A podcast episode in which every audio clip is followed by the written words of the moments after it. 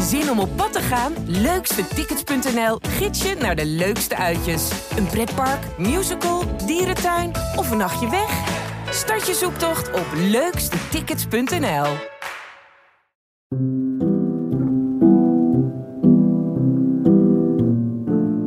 Hi, mijn naam is Corine Kolen en je luistert naar Moderne Liefde. In de 18 jaar dat ik interview over de liefde heb ik die enorm zien veranderen. Accenten verschoven, grenzen tussen vriendschap en liefde zijn minder scherp. Ook de strikte verschillen wat betreft seksuele geaardheid en voorkeuren zijn aan het vervagen. In deze podcast interview ik telkens iemand die vertelt over zijn of haar persoonlijke zoektocht naar liefde of vriendschap. Deze week Marieke. Ik heb me heel vaak afgevraagd van hoe zou het met je verder zijn gegaan. Het is mij nu gelukt om een relatie te hebben. Ik heb kinderen gekregen. Wat werk betreft is het, is het goed gekomen met me. En ik heb er heel vaak geprobeerd op te zoeken op internet. Maar ik, uh, ik vond haar nooit. Marieke, hoe oud ben je? 41. Jij gaat ons vertellen over een heel bijzondere vriendschap. Ja, dat klopt. Over met, met wie was dat? Met wie is dat, die vriendschap? Ik wil haar in mijn verhaal Sterren noemen. Dat is niet haar echte naam. Uh, ik vind het belangrijk om haar uh, privacy te waarborgen, dus ik noem haar uh, Sterren. Prima. Hoe heb je Sterren leren kennen? Ik heb Sterren leren kennen toen ik in de horeca werkte. Ik werkte in een klein cafeetje aan de, aan de Oude Gracht in Utrecht. En ik werkte daar als serveerster. En op een dag kwam zij daar solliciteren en zo heb ik haar leren kennen. Ze was meteen aangenomen. Uh, en ze had uh, hele mooie groen-gouden ogen. Pittige uitstraling. Maar ook zag ik iets heel liefs in haar meteen. Ik, ik, weet nog wel dat ik in het begin vond ik het best spannend om toenadering tot haar te zoeken. Omdat ze best wel fel uit de hoek kon komen af en toe. En dat ik ook dacht van, ik vond haar heel interessant. En ik was nieuwsgierig naar haar ja, aan het eind van onze, van onze diensten bleven we heel vaak aan de bar hangen samen. Gingen we wel eens McDonald's halen aan de overkant. En dan zaten we nog tot diep in de nacht te praten daar aan de bar. Ik heb verder niet in mijn leven zo'n fysieke vriendschap ervaren met iemand. Dat je echt knuffelt en uh, uh, elkaar zo vaak aanraakt. We bleken veel raakvlakken te hebben. Uh, allebei uit een gebroken gezin, slechte relatie met onze moeders. En ik denk dat onze, als ik erop terugkijk, is onze grootste gemene deler op dat moment was dat we best wel aan het zoeken waren van hoe, hoe wilden we nou eigenlijk leven en wie wilden we zijn in dat leven. Ik denk dat het uh, enerzijds een redelijk symbiotische vriendschap is geworden. Um, dus niet met en niet zonder elkaar kunnen. Ik zag in haar een moederfiguur. Vertel daar eens wat over. Um, voor mijn gevoel is de relatie met mijn eigen moeder vanaf mijn elfde in een ontzettend neerwaartse spiraal terechtgekomen. En we hebben ook uh, met uh, tussenposes jarenlang geen contact gehad. Waarom was dat? Ze is uh, met een man getrouwd. met een hele hoge professionele en sociale status. Maar hij is een professor, dokter, arts. Um, en in mijn beleving heeft zij gekozen voor, voor het materiële leven. Niet voor de liefde, maar ze heeft gekozen voor, voor financiële zekerheid en voor materie. En met hem heeft ze twee nieuwe kinderen gekregen. En ik, ik zie het ook echt als van dat is, dat is haar gezin. Dat is, uh, dat, uh... Ik voelde me altijd een buitenstaander. We wonen in een ontzettend groot huis. Echt in een, in een villa. Maar het is wel de eenzaamste periode uit mijn leven geweest. Die jaren daar in dat gezin waar ik me eigenlijk helemaal niet thuis voelde. Nee. En dus Ster heeft eigenlijk min of meer die rol overgenomen toen, toen je haar zag. Ja, ik denk ook dat ik dat in die tijd ook nodig had. Iemand die echt tegen mij zei van, en zo moet je het doen. Nu neem ik je mee daar naartoe en ik uh, kook uh, eten voor jou. Ik heb namelijk ook een tijdje bij haar in huis gewoond. Ze had twee kamers aan elkaar vast met van die mooie antieke glas- in looddeuren. En um, een houten vloer die altijd kraakte. En dat weet ik nog heel goed. Zat een soort rood fluweelachtige bank, waar we dan ook maar net op pasten. Best wel een klein bankje. Dan leefden we echt samen, hadden we een soort huishouden, mini-huishouden. Dat, uh, dat kan me nog heel goed herinneren. Dat we ook dan, dan uh, kookten ze vaak pasta, van die gnocchi pasta. Die vond ik eigenlijk helemaal niet lekker. En dan zaten we vervolgens naar RTL Boulevard te kijken samen. Ja, daar heb ik wel hele warme herinneringen aan. Zij introduceerde mij ook wel in de wereld met, uh, van echte clubs, van het uh, tot diep in de nacht dansen. Dan werd er ook wel eens wat gebruikt. Maar zelf deed ik dat niet. Daardoor voelde ik me soms ook best wel vervreemd van haar. Omdat zij dan echt in een andere dimensie uh, kon zitten. We leefden allebei best wel een um, losbandig leven. Veel uh, wisselende seksuele contacten met mannen. Dat vele uitgaan, veel drinken. Heb ik ook nog best wel een lange tijd mee geworsteld om daar echt uh, helemaal mee te stoppen. Uh, maar ook dat ik op ja, best wel vreemde manieren misschien geld heb verdiend. Wat bedoel je daarmee? Ehm, ik heb in het verleden wel, wel eens. ik moet het anders zeggen. Ik heb een aantal maanden van mijn leven voor een escortbureau gewerkt. Ik deed dat destijds ook naast mijn studie. Ik begon toen een studie en het werd daardoor ook helemaal niks natuurlijk, want je bent in de nacht ben je gewoon op pad. En het is totaal niet uh, wat je soms daarover kan lezen of wat, wat er in films uh, gebracht wordt. Dat is totaal niet, komt niet overeen met de werkelijkheid. Althans niet zoals ik hem heb ervaren. En op die manier geld verdiend. En dat is het dieptepunt van mijn leven geweest. Dat ik dat ik dat heb gedaan. Ja, ik, ik was in die tijd dus ontzettend aan het zoeken naar wie ik was en wie ik wilde zijn. En welke kant ik mijn leven op wilde sturen. En ik kan me nog heel goed herinneren dat ik in café Het Lievertje zat, weer vijf uur s ochtends.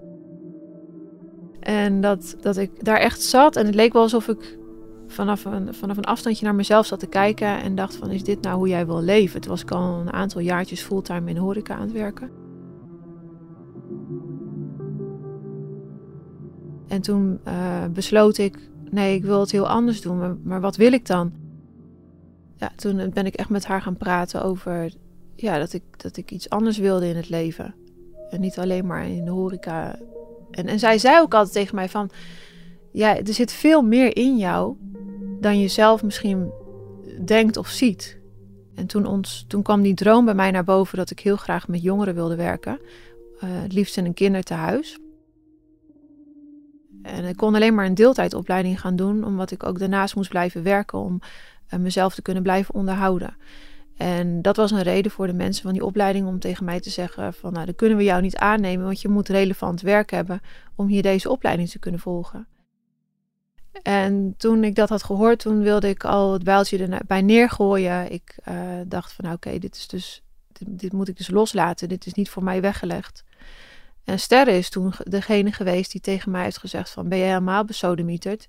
Jij gaat nu die telefoon pakken. Je laat je je droom niet afpakken. Je gaat gewoon bellen en je vraagt aan ze. Geef me een kans en uh, geef me een paar maanden de tijd. Ik, ik vind dat werk wel. Ik, ik ga het jullie laten zien. En uh, door haar heb je je leven een andere draai gegeven? Ja, toen ik gebeld had naar de opleiding, toen gaven ze me inderdaad die kans. En wat deed dat met je relatie met uh, Sterren? Wat gebeurde er? Ik kon dingen niet meer rijmen met elkaar. Dat, dat, uh, dat stappen, die, al die losse contacten. En ik begon mezelf ook um, te veroordelen. Te veroordelen om dingen die ik had gedaan in het verleden. Ik uh, begon veel serieuzer te leven. Ik stortte me helemaal op de studie. En um, zij bleef veel van hetzelfde doen. In de zin van, ze, zij bleef veel uitgaan en drugs gebruiken. En ik had vooral altijd heel veel moeite met het drugsgebruik. Omdat allebei mijn broers uh, een uh, drugsverslaving hebben gehad. En um, achteraf denk ik, ja, maar jij dronk ook als een bezetene. Wat is dat dan? Dus ik, ik, ik kon daar heel erg moeilijk mee omgaan en, en ik veroordeelde haar daar dus ook om.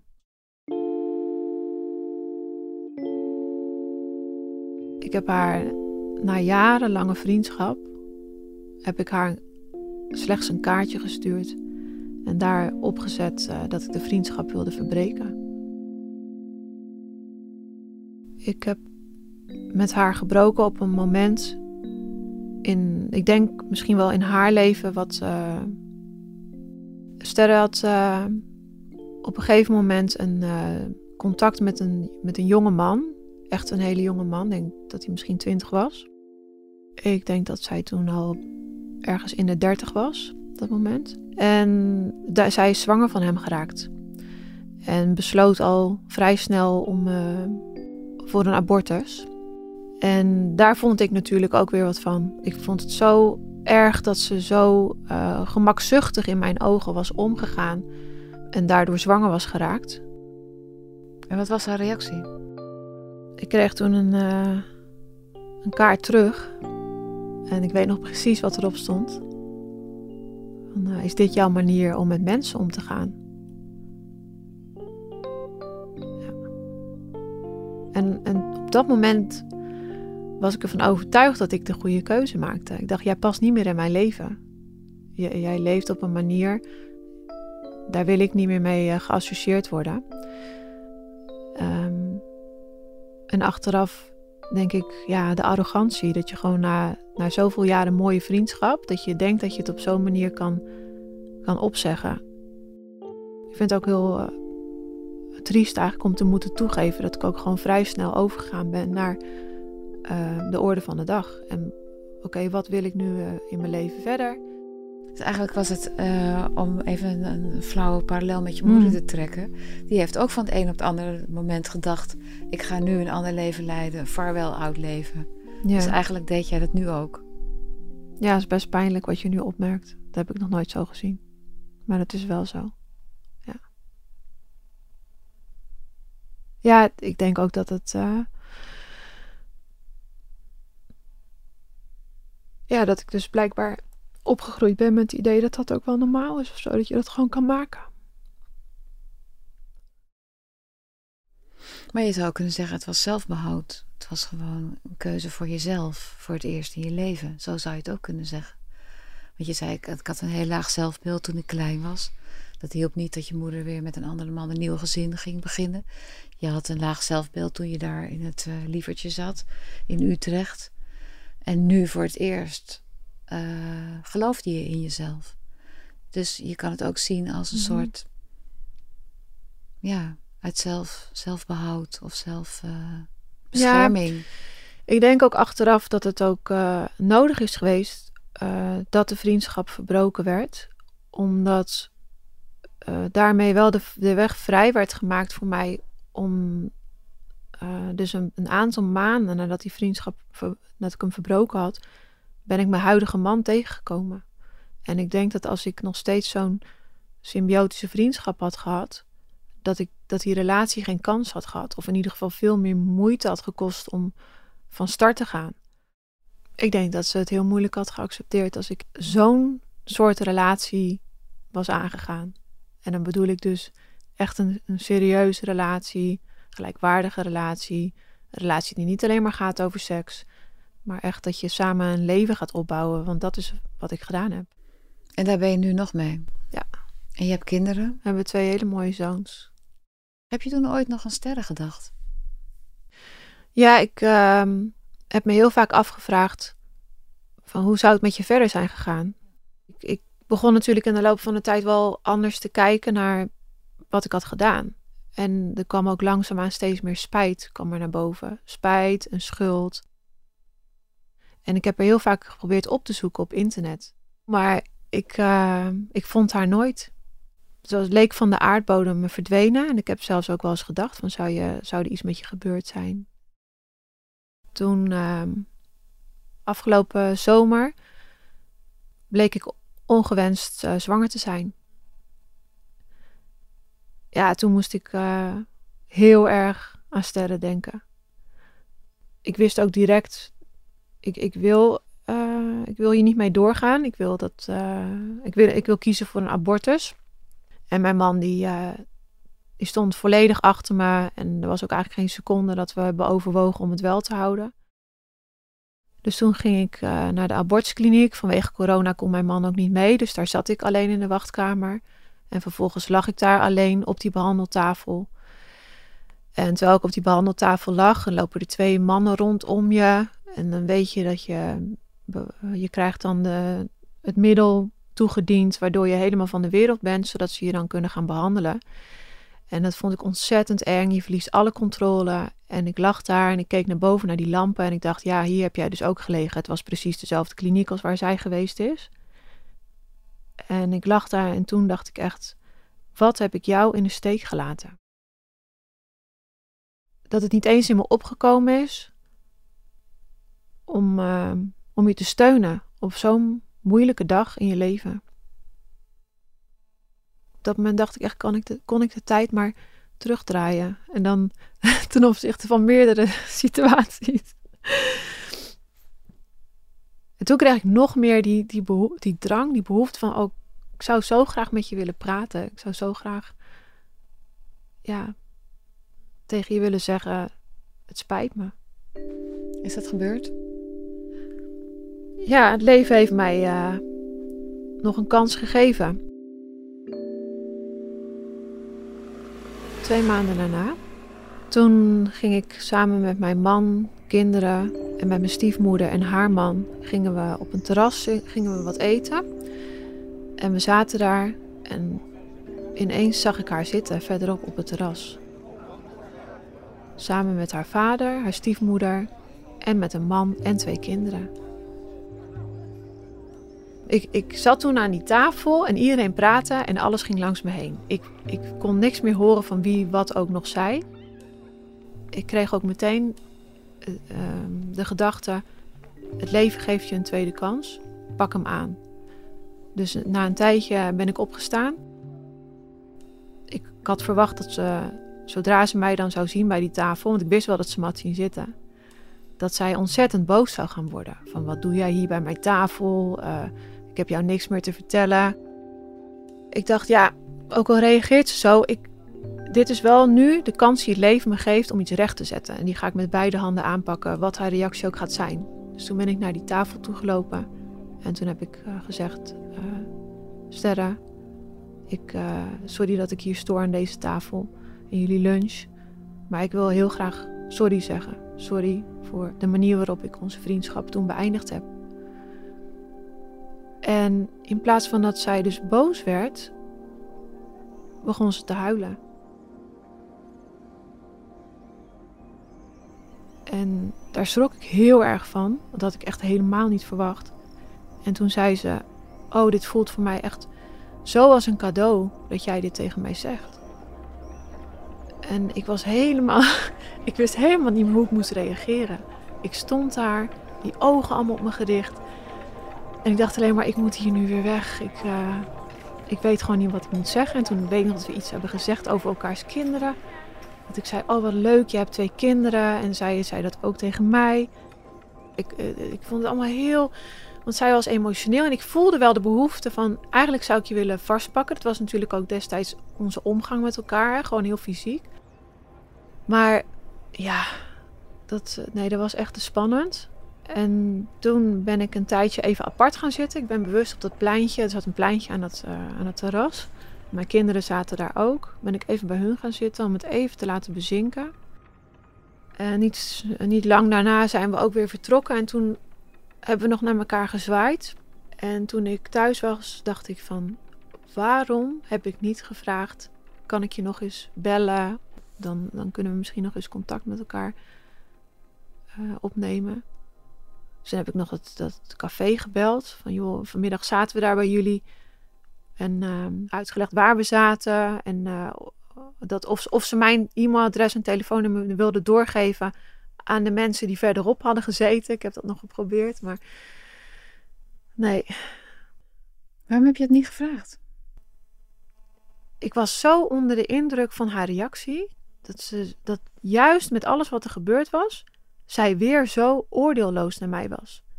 Dat zij mij dus niet een veeg uit de pan ging geven. Dat ze niet boos werd, maar dat ze juist wat ik deed omarmde als een cadeau. En daarin heeft ze mij zo'n eh, grote les geleerd. Ik, ik was me daar al die tijd niet zo van bewust. Tot die, tot die dag. Je moet gewoon je mond houden. Als jij daar niet hebt gelegen op die bank voor een abortus. Je moet gewoon je mond houden als je ergens niet bent geweest. Als je iets niet hebt meegemaakt. En dat heeft ze mij echt heel erg laten zien.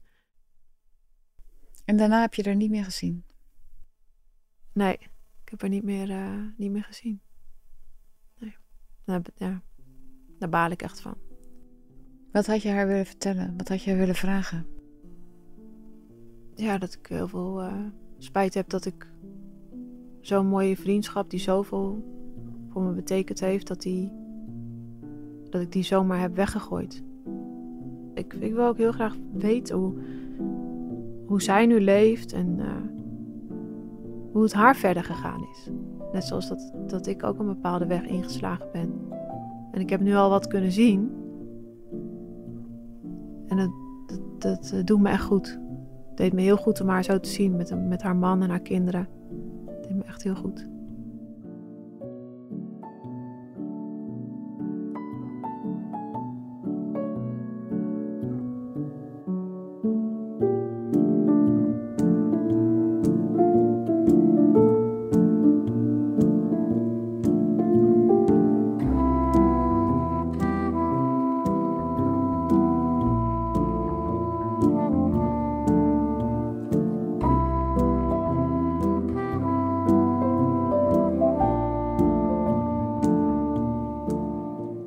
Je luisterde naar het verhaal van Marieke.